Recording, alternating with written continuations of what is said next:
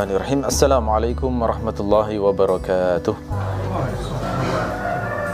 الحمد لله رب العالمين وبه نستعين على أمور الدنيا والدين والصلاة والسلام على سيد المرسلين وإمام المتقين نبينا محمد وعلى آله وصحبه ومن تبعه بإحسان إلى يوم الدين اللهم اغفر لنا ما قدمنا وما أخرنا وما أسررنا وما أعلنا وما أسرفنا وما أنت أعلم به منا أنت المقدم وأنت المؤخر وأنت على كل شيء قدير. اللهم إنا نسألك علما نافعا ورزقا طيبا وعملا متقبلا. ربنا زدنا علما وارزقنا فهما واجعلنا من الصالحين. اللهم حبب إلينا الإيمان وزينه في قلوبنا وكره إلينا الكفر والفسوق والعصيان. واجعلنا من الراشدين. أما بعد. Baik saudaraku sekalian rahimakumullah. Kita sekarang masuk bab baru yakni Kitabul Jihad. Bab jihad. Ya, dalam kajian kitab Matan Abu Suja ini. Bab jihad ini adalah salah satu bab yang dibahas dalam kitab fikih Islam. Sehingga tidak mungkin dihapuskan. Dan tidak boleh dihapuskan. Meskipun politik tidak suka dengan pembahasan ini tetapi sebagai seorang muslim dan intelektual muslim yang jujur serta objektif maka pembahasan semacam ini tidak boleh disembunyikan. Biar gak seperti orang-orang Yahudi yang kadang-kadang itu untuk suatu kepentingan duniawi menyembunyikan sebagian Taurat. Ya. Dan menampakkan sebagian yang lain. Itu watak rahib-rahib dan pendeta-pendeta Yahudi. Atau tokoh-tokoh istilahnya ulama-ulamanya Yahudi. Maka dengan tegas kita katakan bahwa bab jihad itu adalah bab fikih dan bahkan istilah jihad itu ada dalam Al-Quran dan tidak boleh dimonsterisasi tidak boleh direndahkan tidak boleh diterorisasikan gitu ya. Ini hukum ini harus kita terangkan apa adanya berdasarkan dalil dan uh, semata-mata menerangkan ini niatnya adalah untuk memperoleh ridho Allah gitu ya jihad itu adalah termasuk kewajiban dalam din dan bahkan termasuk syiar yang agung. Ya, salah satu dalil yang menunjukkan bahwa jihad itu adalah wajib dan syiar besar dalam din adalah ayat Al-Quran surah Al-Baqarah ayat 216 Allah berfirman kutiba alaikumul qital wa huwa kurhul lakum wa asa an takrahu syai'aw wa huwa khairul lakum wa asa an tuhibbu syai'aw wa huwa syarrul lakum wallahu ya'lamu wa antum la ta'lamun diwajibkan atas kalian berperang meskipun itu sesuatu yang tidak kalian sukai. Bisa jadi kalian tidak suka sesuatu padahal itu baik bagi kalian. Dan bisa jadi kalian menyukai sesuatu padahal itu buruk bagi kalian Allah mengetahui sementara kalian tidak mengetahui. Jadi dalam ayat ini perang itu disebut dengan kata-kata kutiba. Kutiba itu maknanya adalah diwajibkan. Persis seperti kata Ya ayuhalladzina amanu kutiba alaikumus siyam. Wahai orang-orang yang beriman diwajibkan atas kalian berpuasa Seluruh orang Islam itu sepakat bahwa puasa Ramadan itu wajib Karena berdasarkan ayat kutiba tadi Maka seharusnya orang Islam tidak boleh mengingkari ayat ini Yang jelas mengatakan kutiba alaikumul qital Diwajibkan berperang atas kalian dan dalil seperti di Al-Quran itu banyak sekali kalau mau eksplorasi. Ya, saya bisa menyebutkan di sini bisa sampai 1-2 jam saya terangkan isi dalil-dalil uh, yang menunjukkan wajibnya jihad di Quran. Tapi ini satu aja sebagai contoh saja. Dari hadis juga banyak sekali dalil yang memerintahkan untuk berjihad. Bahkan kita kalau memeriksa sejarah hidup Rasulullah itu, maka kita akan dapati Rasulullah itu semenjak diizinkan berjihad sampai beliau wafat itu tidak pernah meninggalkan jihad. Setiap tahun selalu pasti ada jihad. Ya, semenjak diizinkan sampai beliau wafat. Mulai dari perang Badar, perang Uhud, perang Al-Ahzab, perang uh, Zatul Riqa, perang Zatul Salasil. Banyak sekali itu.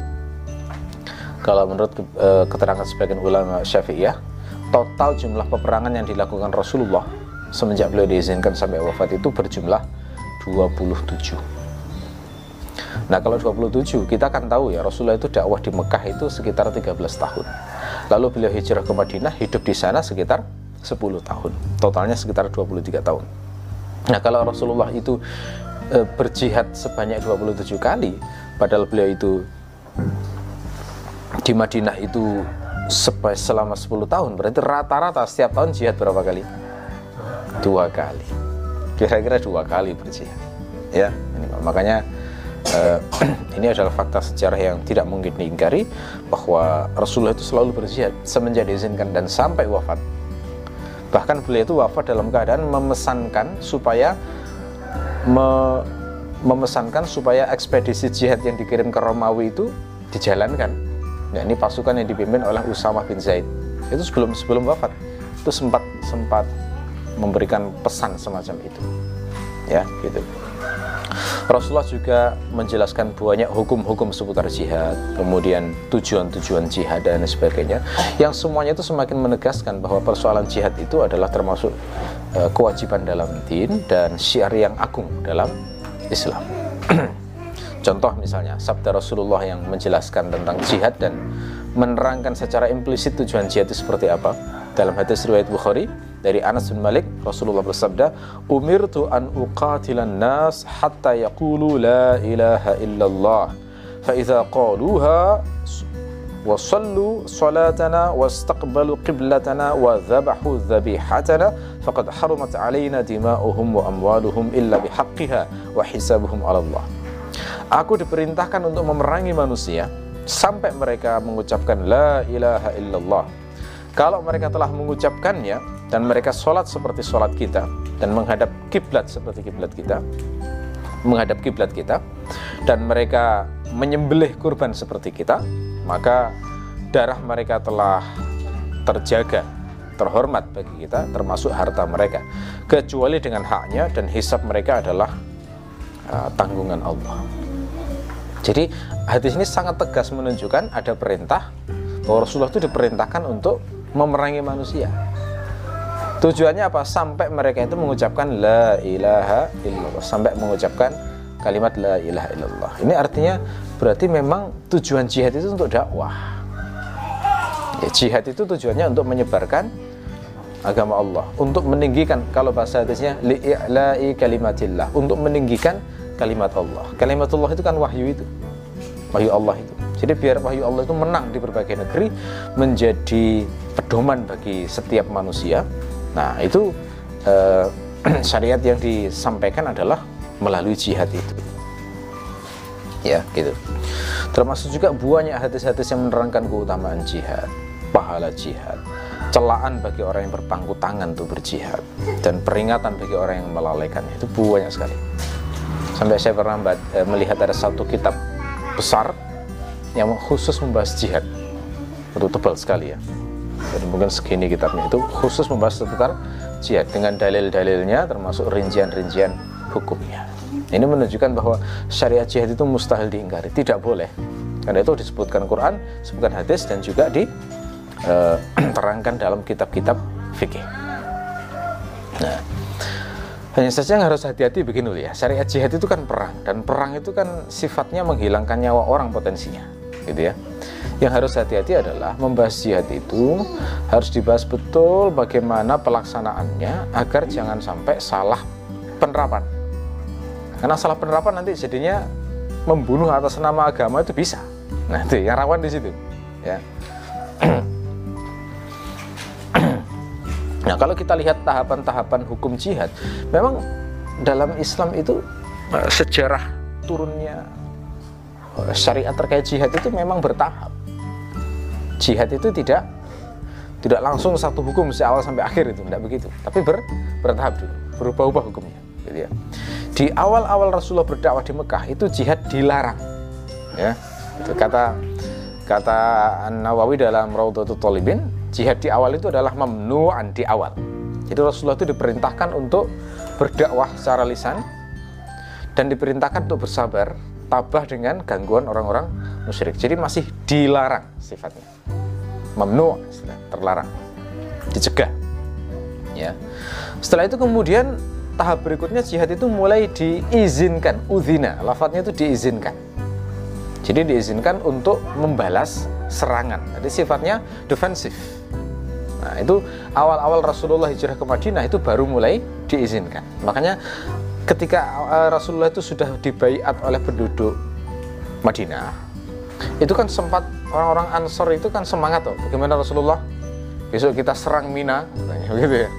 Nah, begitu. Rasul Rasul mengatakan lam nu'mar bidzalik. Kita belum masih diperintah. Kita masih belum diperintahkan untuk melakukan itu. Nah, ini menunjukkan berarti eh, Rasul pun melaksanakan jihad itu nunggu wahyu bagaimana petunjuknya. Gitu. Jadi enggak nggak sembarangan atas dasar semangat atas dasar ini. Ada praktek-praktek yang harus diperhatikan terkait dengan situasi dan kondisinya. Jadi tahap berikutnya itu setelah dilarang baru diizinkan. Sifatnya itu di diizinkan. Namanya diizinkan itu berarti kan andekan tidak dilakukan kan tidak tidak masalah loh diizinkan kalau mau membalas serangan tidak masalah. Ya. Lalu kemudian tahap berikutnya adalah dibolehkan untuk memulai peperangan. Nah, istilahnya ubiha ibtidaan jadi di dibolehkan untuk memulai peperangan artinya berarti kalau memulai sifatnya ofensif nah, yang tadi kan sifatnya mempertahankan diri, defensif. Nah ini baru baru boleh yang sifatnya memulai atau ofensif. Ya setelah setelah setelah tahapan hukumnya adalah diizinkan untuk berperang saat ada serangan musuh, maka tahapan berikutnya adalah kemudian dibolehkan untuk memulai uh, peperangan. Artinya berarti sebelum itu masih belum diizinkan untuk ofensif sifatnya, hanya boleh perang sifatnya defensif, gitu, gitu. ya. Nah, jadi boleh berperang uh, secara ofensif, tapi syaratnya waktu itu adalah selain bulan suci. Jadi nggak boleh di bulan haram. Kalau menyerang secara ofensif itu syaratnya adalah selain di bulan suci. Jadi bulan suci itu ada empat ya. Al Ashurul Hurum itu uh, bulan haram, bulan suci maksudnya.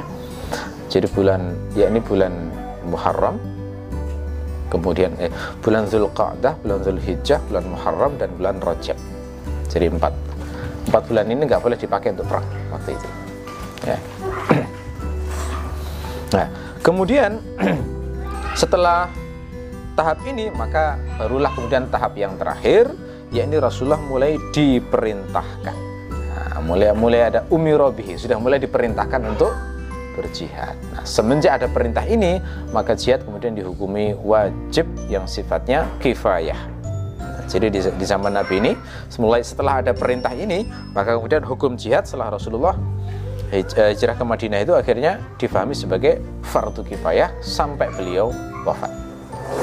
Jadi saat Rasulullah wafat itu jihad hanya fardu kifayah saja maksimal hukumnya. Jadi tidak pernah berubah dari itu. Ya.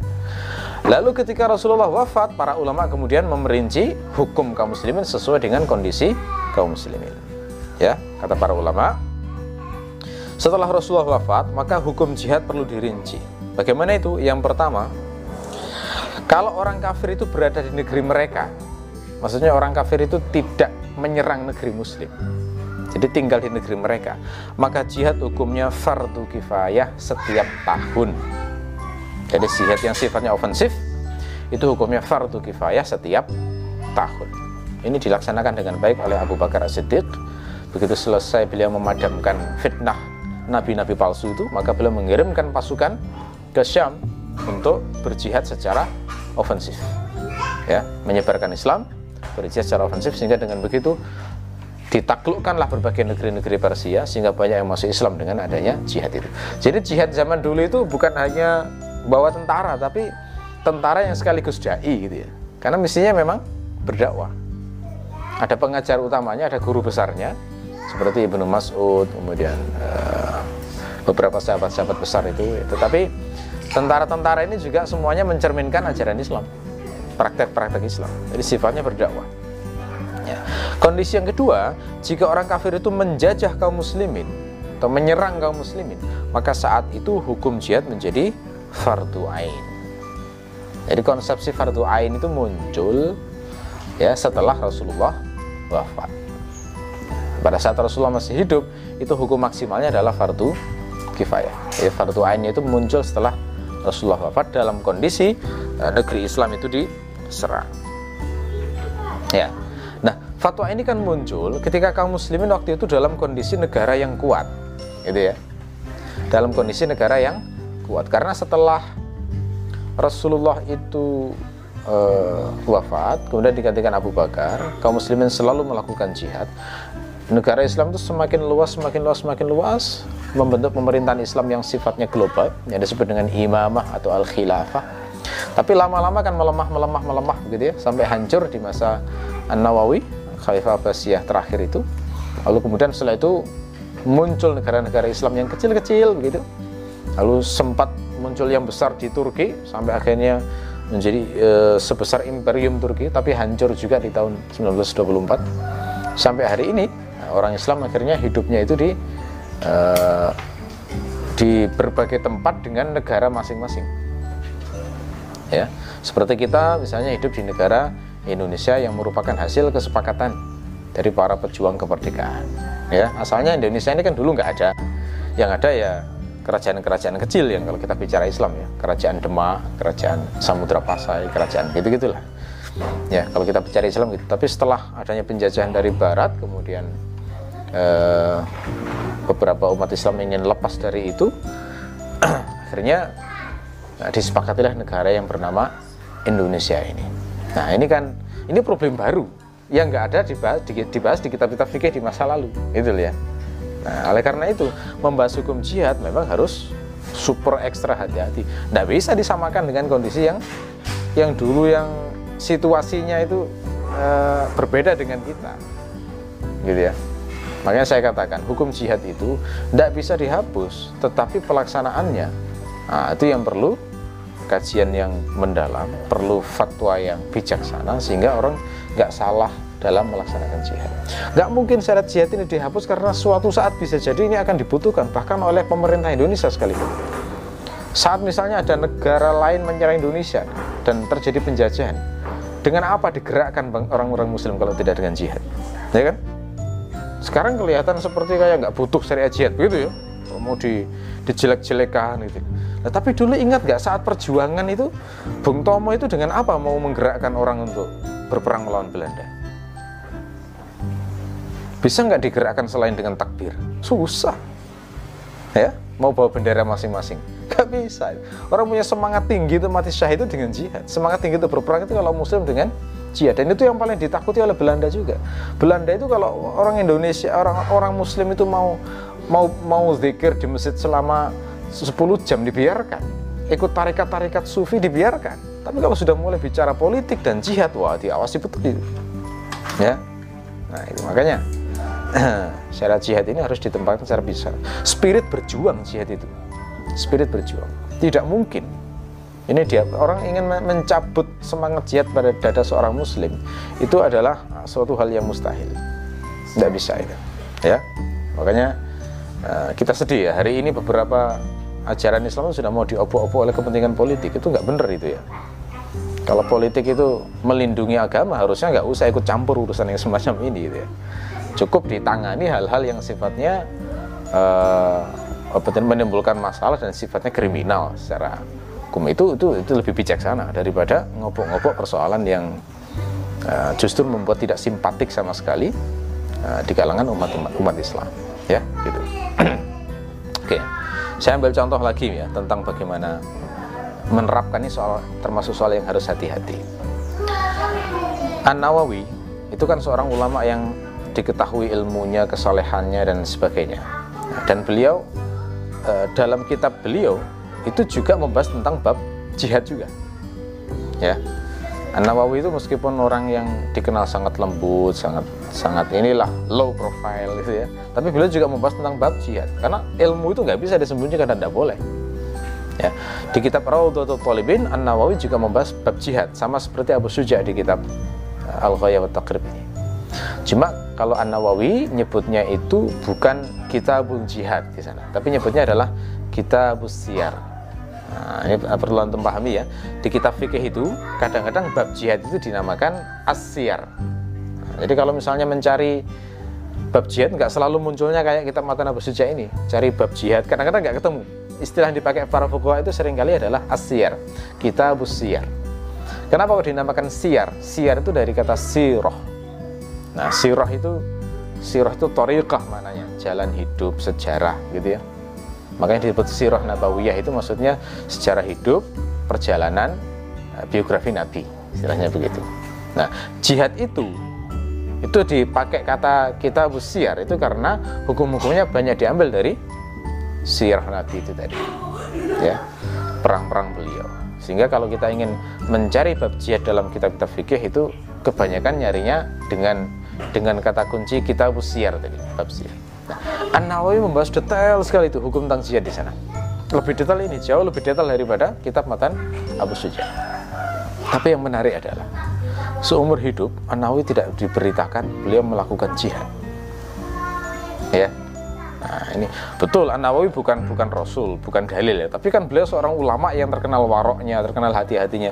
Maka apa yang beliau praktekkan itu itu patut untuk kita jadikan pertimbangan memahami bagaimana sih menempatkan konsepsi jihad Padahal di zaman An-Nawawi itu umat Islam mengalami masalah penjajahan yang berat, jauh lebih berat daripada sekarang. Orang Islam sekarang kayak seperti kasus Indonesia kan nggak sudah nggak mengalami masa penjajahan ya. Fisik maksudnya kan nggak ada ya. ya. Tapi kalau dominasi bangsa asing ya terasa sekali gitu ya. Tapi kalau secara fisik kan tidak ada penjajahan fisik di Indonesia. Nah, An-Nawawi mengalami penjajahan fisik itu. Bahkan mengalami tragedi terbesar dalam sejarah umat Islam. Tragedi apa itu? Yakni hancurnya kekhilafahan Abbasiyah. Abbasiyah itu dihancurkan itu tahun 656 Hijriah. Nah, An-Nawawi lahirnya tahun 631 Hijriah. Berarti saat An-Nawawi eh, hancurnya kekhilafan Islam itu adalah usia An-Nawawi sekitar 25 tahun. Ya, seperti antum mendekati 25 ya. Ya, hampir seperti antum inilah. Itu An-Nawawi melihat bagaimana khilafah Islam dihancurkan terus bagaimana negeri-negeri Islam dibantai ada jutaan manusia itu tewas di masa An-Nawawi. Ini kan masa penjajahan yang kalau secara hukum fikih hitam putihnya wajib tuh berjihad semuanya tuh. Bahkan fardu ain tuh. Kan begitu. Tapi yang sangat menarik adalah An-Nawawi tidak berjihad sama sekali. Ya. Nah, ini menunjukkan bahwa persoalan jihad ini eh, hati-hati uh, betul menerapkannya karena salah menerapkan ya jadinya bunuh orang begitu ya. Nah, itu. Kalau jihad diterapkan dengan baik, yang tampak keindahan Islam. Gitu ya. Kalau misalnya suatu bangsa itu dijajah kemudian melawan penjajahan itu, itu kan kelihatan marwahnya tuh bangsa itu. Kelihatan bahwa bangsa itu bukan bangsa yang bermental tempe gitu ya tapi orang yang benar-benar seorang pejuang yang yang nggak mau dihinakan oleh penjajah. Kan begitu? Kelihatan indahnya kalau penerapannya bagus. Bahkan yang ofensif sekalipun itu juga kelihatan indahnya kenapa? Karena saat jihad ofensif itu itu nggak tiba-tiba nyerang umat Islam enggak tapi didakwai penguasanya didakwai. Didakwai gimana? Karena memang tujuannya jihad kan dakwah. Biasanya dikirimi surat penguasa itu masuk Islam lah. Ya. tujuannya apa? Kalau penguasanya masuk Islam rakyatnya kan lebih mudah didakwai. Begitu. Kalau menolak nggak apa-apa. Kan nggak dipaksa untuk beragama ya. Masuk agama itu. Ya tetapi diminta supaya mereka tunduk dalam dengan hukum Islam. Begitu. Nah kalau yang yang kedua ini juga menolak baru kemudian yang ketiga uh, dilakukan aktivitas fisik ya ini mendobrak penghalang fisik itu dengan jihad visabilillah karena maknanya kalau misalnya ditawari masuk Islam nggak mau kemudian tunduk dalam sistem Islam tidak mau maka maknanya berarti penguasa yang menerapkan kekufuran ini memang ingin me menghalang-halangi rakyatnya itu dari cahaya Islam. Nah ini yang harus didobrak, gitu loh ya. Makanya dalam jihad ofensif itu yang didobrak adalah penguasa yang zalim ini sebenarnya. Rakyatnya nggak pernah diserang, Rasulullah melarang, nggak boleh membunuh rakyat. Bahkan kalau misalnya ada orang yang sembunyi di tempat ibadah nggak boleh diserang, kan begitu itu. Nah itulah ya, makanya jihad ofensif itu kalau diterapkan tetap indah. Nah hari ini kan hukum-hukum kayak gini itu karena termasuk hukum yang rawan, penerapannya kurang bagus, nggak sertai dengan pemahaman yang yang memadai, akhirnya jadi fitnah sekarang. Kesannya kalau jihad itu, waduh, e, mengerikan gitu ya. Padahal harusnya itu tampak keindahannya. Ya. Nah, ini ya. Jadi semacam itu. Kira-kira menjelaskan. Nah, nanti dalam uh, bahasan selanjutnya uh, jihad ini nanti mencabang dalam beberapa, beberapa hukum pembahasan. Jadi nanti dari sini nanti akan dibahas juga hukum perbudakan. Ya, perbudakan karena itu konsekuensi yang terkait dengan jihad. Terus hukum seputar ghanimah dan fai, yakni hukum rampasan perang. Dan yang ketiga adalah hukum seputar jizyah. Ya, jizyah itu tarikan kepada kafir zimmi yang uh, ada dalam sistem Islam. Ya, itu intronya begitu ya. Sekarang kita masuk ke syarat wajibnya jihad ada tujuh perkara. Maksudnya syarat wajibnya jihad bagi tentara. Jadi kapan seorang muslim itu menjadi wajib berjihad itu jika memenuhi tujuh syarat. Nah dari sini sudah terbayang ya bahwa dalam Islam itu seorang muslim itu akhirnya nanti kena kena wajib militer semuanya, gitu ya.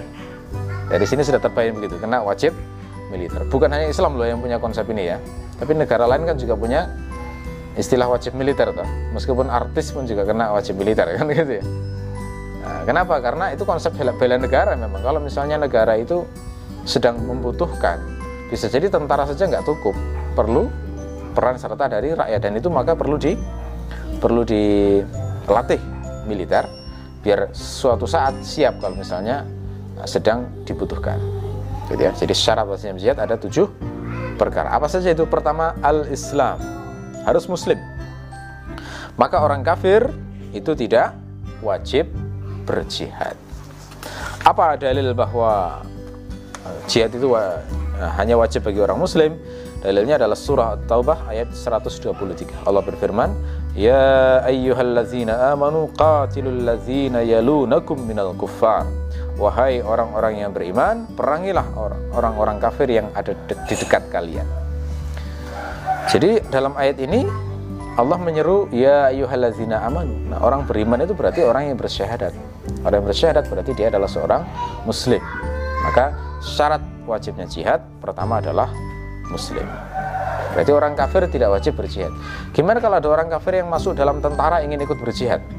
Tujuannya biar dapat gaji kan mungkin sekali ya kayak gitu orang masuk tentara tujuannya biar dapat gaji jawabannya boleh kenapa karena Rasulullah mengizinkan orang yang kafir ikut berjihad di tentara kaum muslimin dan berperang bersama dengan kaum muslimin bahkan Rasulullah mengatakan bahwa sesungguhnya Allah itu akan menguatkan agama ini dengan orang-orang fajir orang fajir itu orang-orang yang yang itulah agama tidak bertakwa maksudnya di antaranya orang-orang kafir seperti ada nama dulu namanya Kuzman Kuzman itu orang kafir ikut berjihad bersama orang-orang Islam. Jadi tidak masalah. Nah, kalau misalnya orang kafir itu sudah masuk tentara kemudian diajak berjihad dia menolak, apakah boleh? Ya, dia menolak nggak masalah. Kenapa? Karena kan nggak wajib bagi dia. Nah, tapi setelah itu dipecat dari tentara, kan gitu aja. Dari sisi nggak. Tapi kalau orang Islam nggak boleh, nggak boleh menolak itu. Menolak bisa dihukum. Itu. Jadi kalau orang kafir tidak dihukum, andai kan menolak untuk ber perang tapi konsekuensinya akadnya diputus jadi akadnya ijarah kira-kira ya akadnya itu ijarah kalau dengan orang kafir yang ikut berjihad dalam tentara muslim lagi pula jihad itu dakwah apa ibadah dalam Islam nah, sementara ibadah itu hanya sah dari orang muslim sehingga tidak wajib bagi orang kafir nah, selain itu jihad itu adalah tujuannya i'la'u kalimatillah meninggikan kalimat Allah dan orang kafir tidak pernah berusaha untuk meninggikan kalimat Allah. Maka yang wajib hanya untuk orang muslim saja. Itu syarat yang pertama. Syarat yang kedua adalah wal buluh. Balik. Maka anak kecil belum wajib berjihad. Yang masih usia 10 tahun itu tidak wajib berjihad. Kenapa? Karena Allah mengatakan bahwa yang yang dibebaskan dari jihad itu di antaranya adalah laisa ala du'afa tidak ada kewajiban bagi orang-orang yang du'afa du'afa itu lemah yang lemah itu salah satunya adalah anak. Termasuk juga riwayat Ibnu Umar. Ibnu Umar itu bercerita sebagaimana diriwayatkan dalam Sahih Muslim. Kata Ibnu Umar, "Aradani Rasulullah sallallahu alaihi wasallam yawma Uhud fil qital wa ana ibnu arba'ata asyrata sanatan falam yujizni wa aradani yawmal khandaq wa ana ibnu khamsata asyrata sanatan fa ajazani." Rasulullah menginspeksi saya pada saat perang Uhud ya, untuk kepentingan perang. Sementara saya waktu itu berusia 14 tahun, maka beliau tidak mengizinkan saya. Dan Rasulullah menginspeksi saya pada saat perang Khandaq sementara saya berusia 15 tahun maka beliau mengizinkan saya. Nah, jadi Ibnu Umar itu mau ikut jihad di usia 14 tahun tapi dilarang oleh Rasulullah. Begitu usia sudah 15 tahun ternyata diizinkan oleh Rasulullah. Ini menunjukkan berarti dalam jihad disyaratkan balik. Jadi harus harus balik. Tidak boleh anak-anak. Syarat yang ketiga adalah wal aklu berakal Artinya apa? Kalau misalnya orang yang berjihad itu gila, ya maka tidak wajib. Orang gila tidak wajib berjihad. Mau ditugasi apa gila ya? Nah, dia nggak mungkin. Oke. Okay. Dan zalim juga mengajak orang gila untuk berjihad. Oke. Okay. Al-aqlu. Yang keempat adalah wal hurriyah. Wal hurriyah itu merdeka. Artinya apa? Ya, merdeka. Artinya apa? Tidak diwajibkan budak itu berjihad. Meskipun diperintahkan orang tuanya uh, diperintahkan oleh uh, meskipun diperintahkan oleh tuannya. Ya. budak itu kan hukum misalnya wajib menaati tuannya. Tapi kalau dalam urusan ini diperintahkan yang sifatnya itu uh, tidak diwajibkan oleh syariat dia tetap tidak wajib untuk berjihad. Ya tidak peduli jenis budaknya apa meskipun dia itu budak mudabar atau budak mukatab atau budak mubaat berbagai macam variasi budak itu yang jelas selama dia masih budak maka dia tidak wajib untuk berjihad. Kemudian yang kelima lima empat ya? Lima ya. Yang kelima adalah wazukuroh wazukuriyah laki-laki.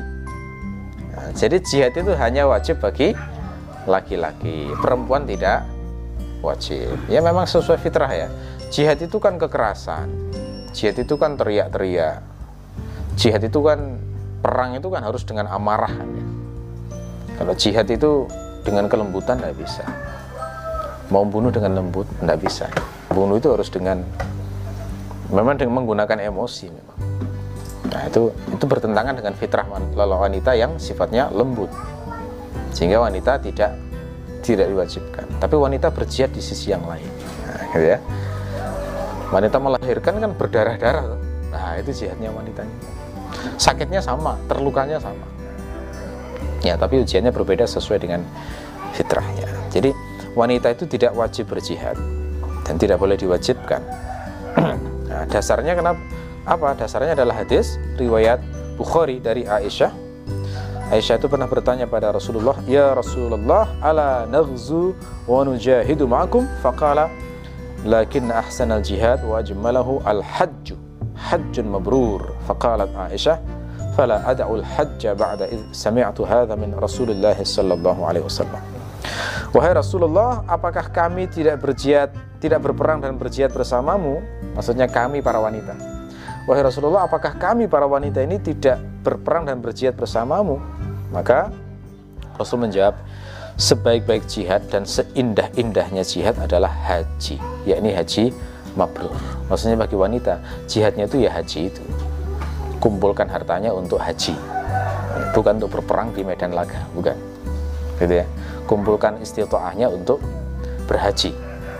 Ya, wanita kalau misalnya sudah beres semuanya, ya, nabung itu bukan untuk ke Hawaii ke Korea bukan.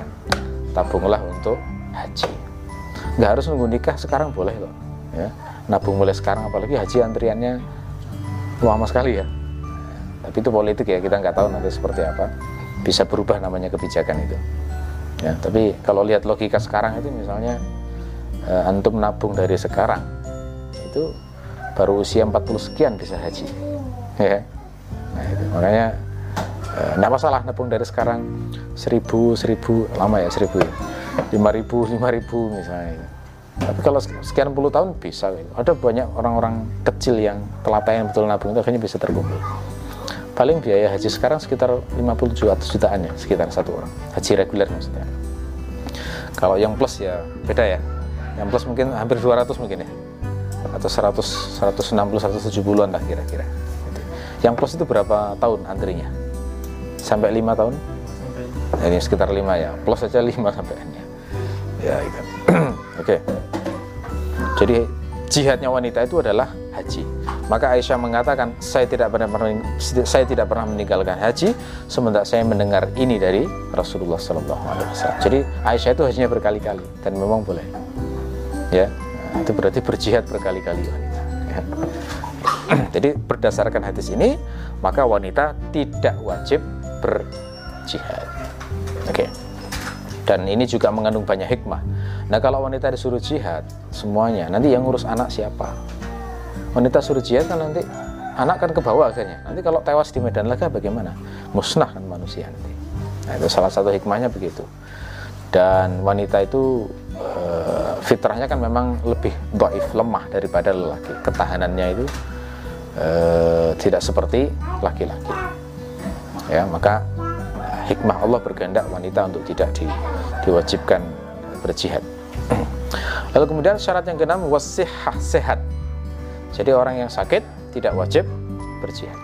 Ya, sakit yang uh, ini maksud di sini adalah sakit yang menimbulkan masyakkah syadidah, menimbulkan kesulitan yang berat ketika berjihad.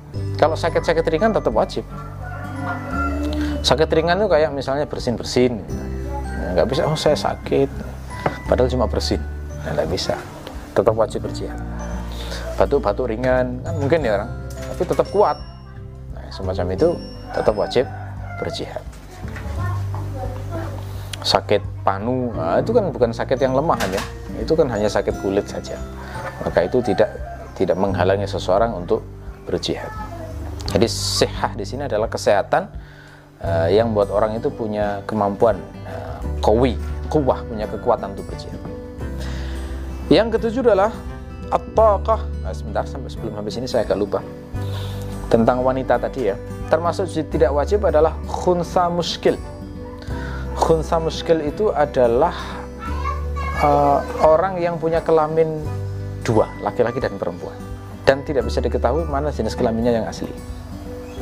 Ya uh, terjemahan yang lebih pas adalah intersex ya, jadi orang dari sisi kelaminnya ada laki-laki ada perempuan ada intersex. Intersex itu lahir dalam keadaan sudah cacat. Kelaminnya ada kelamin laki-laki, ada kelamin perempuan. Gitu ya. Itu namanya intersex. Makanya dikatakan inter itu tengah-tengah ya sifatnya. Jadi enggak enggak laki-laki tidak jelas, perempuan juga tidak jelas. Intersex. Nah, intersex ini bahasa Arabnya adalah khunsa muskil.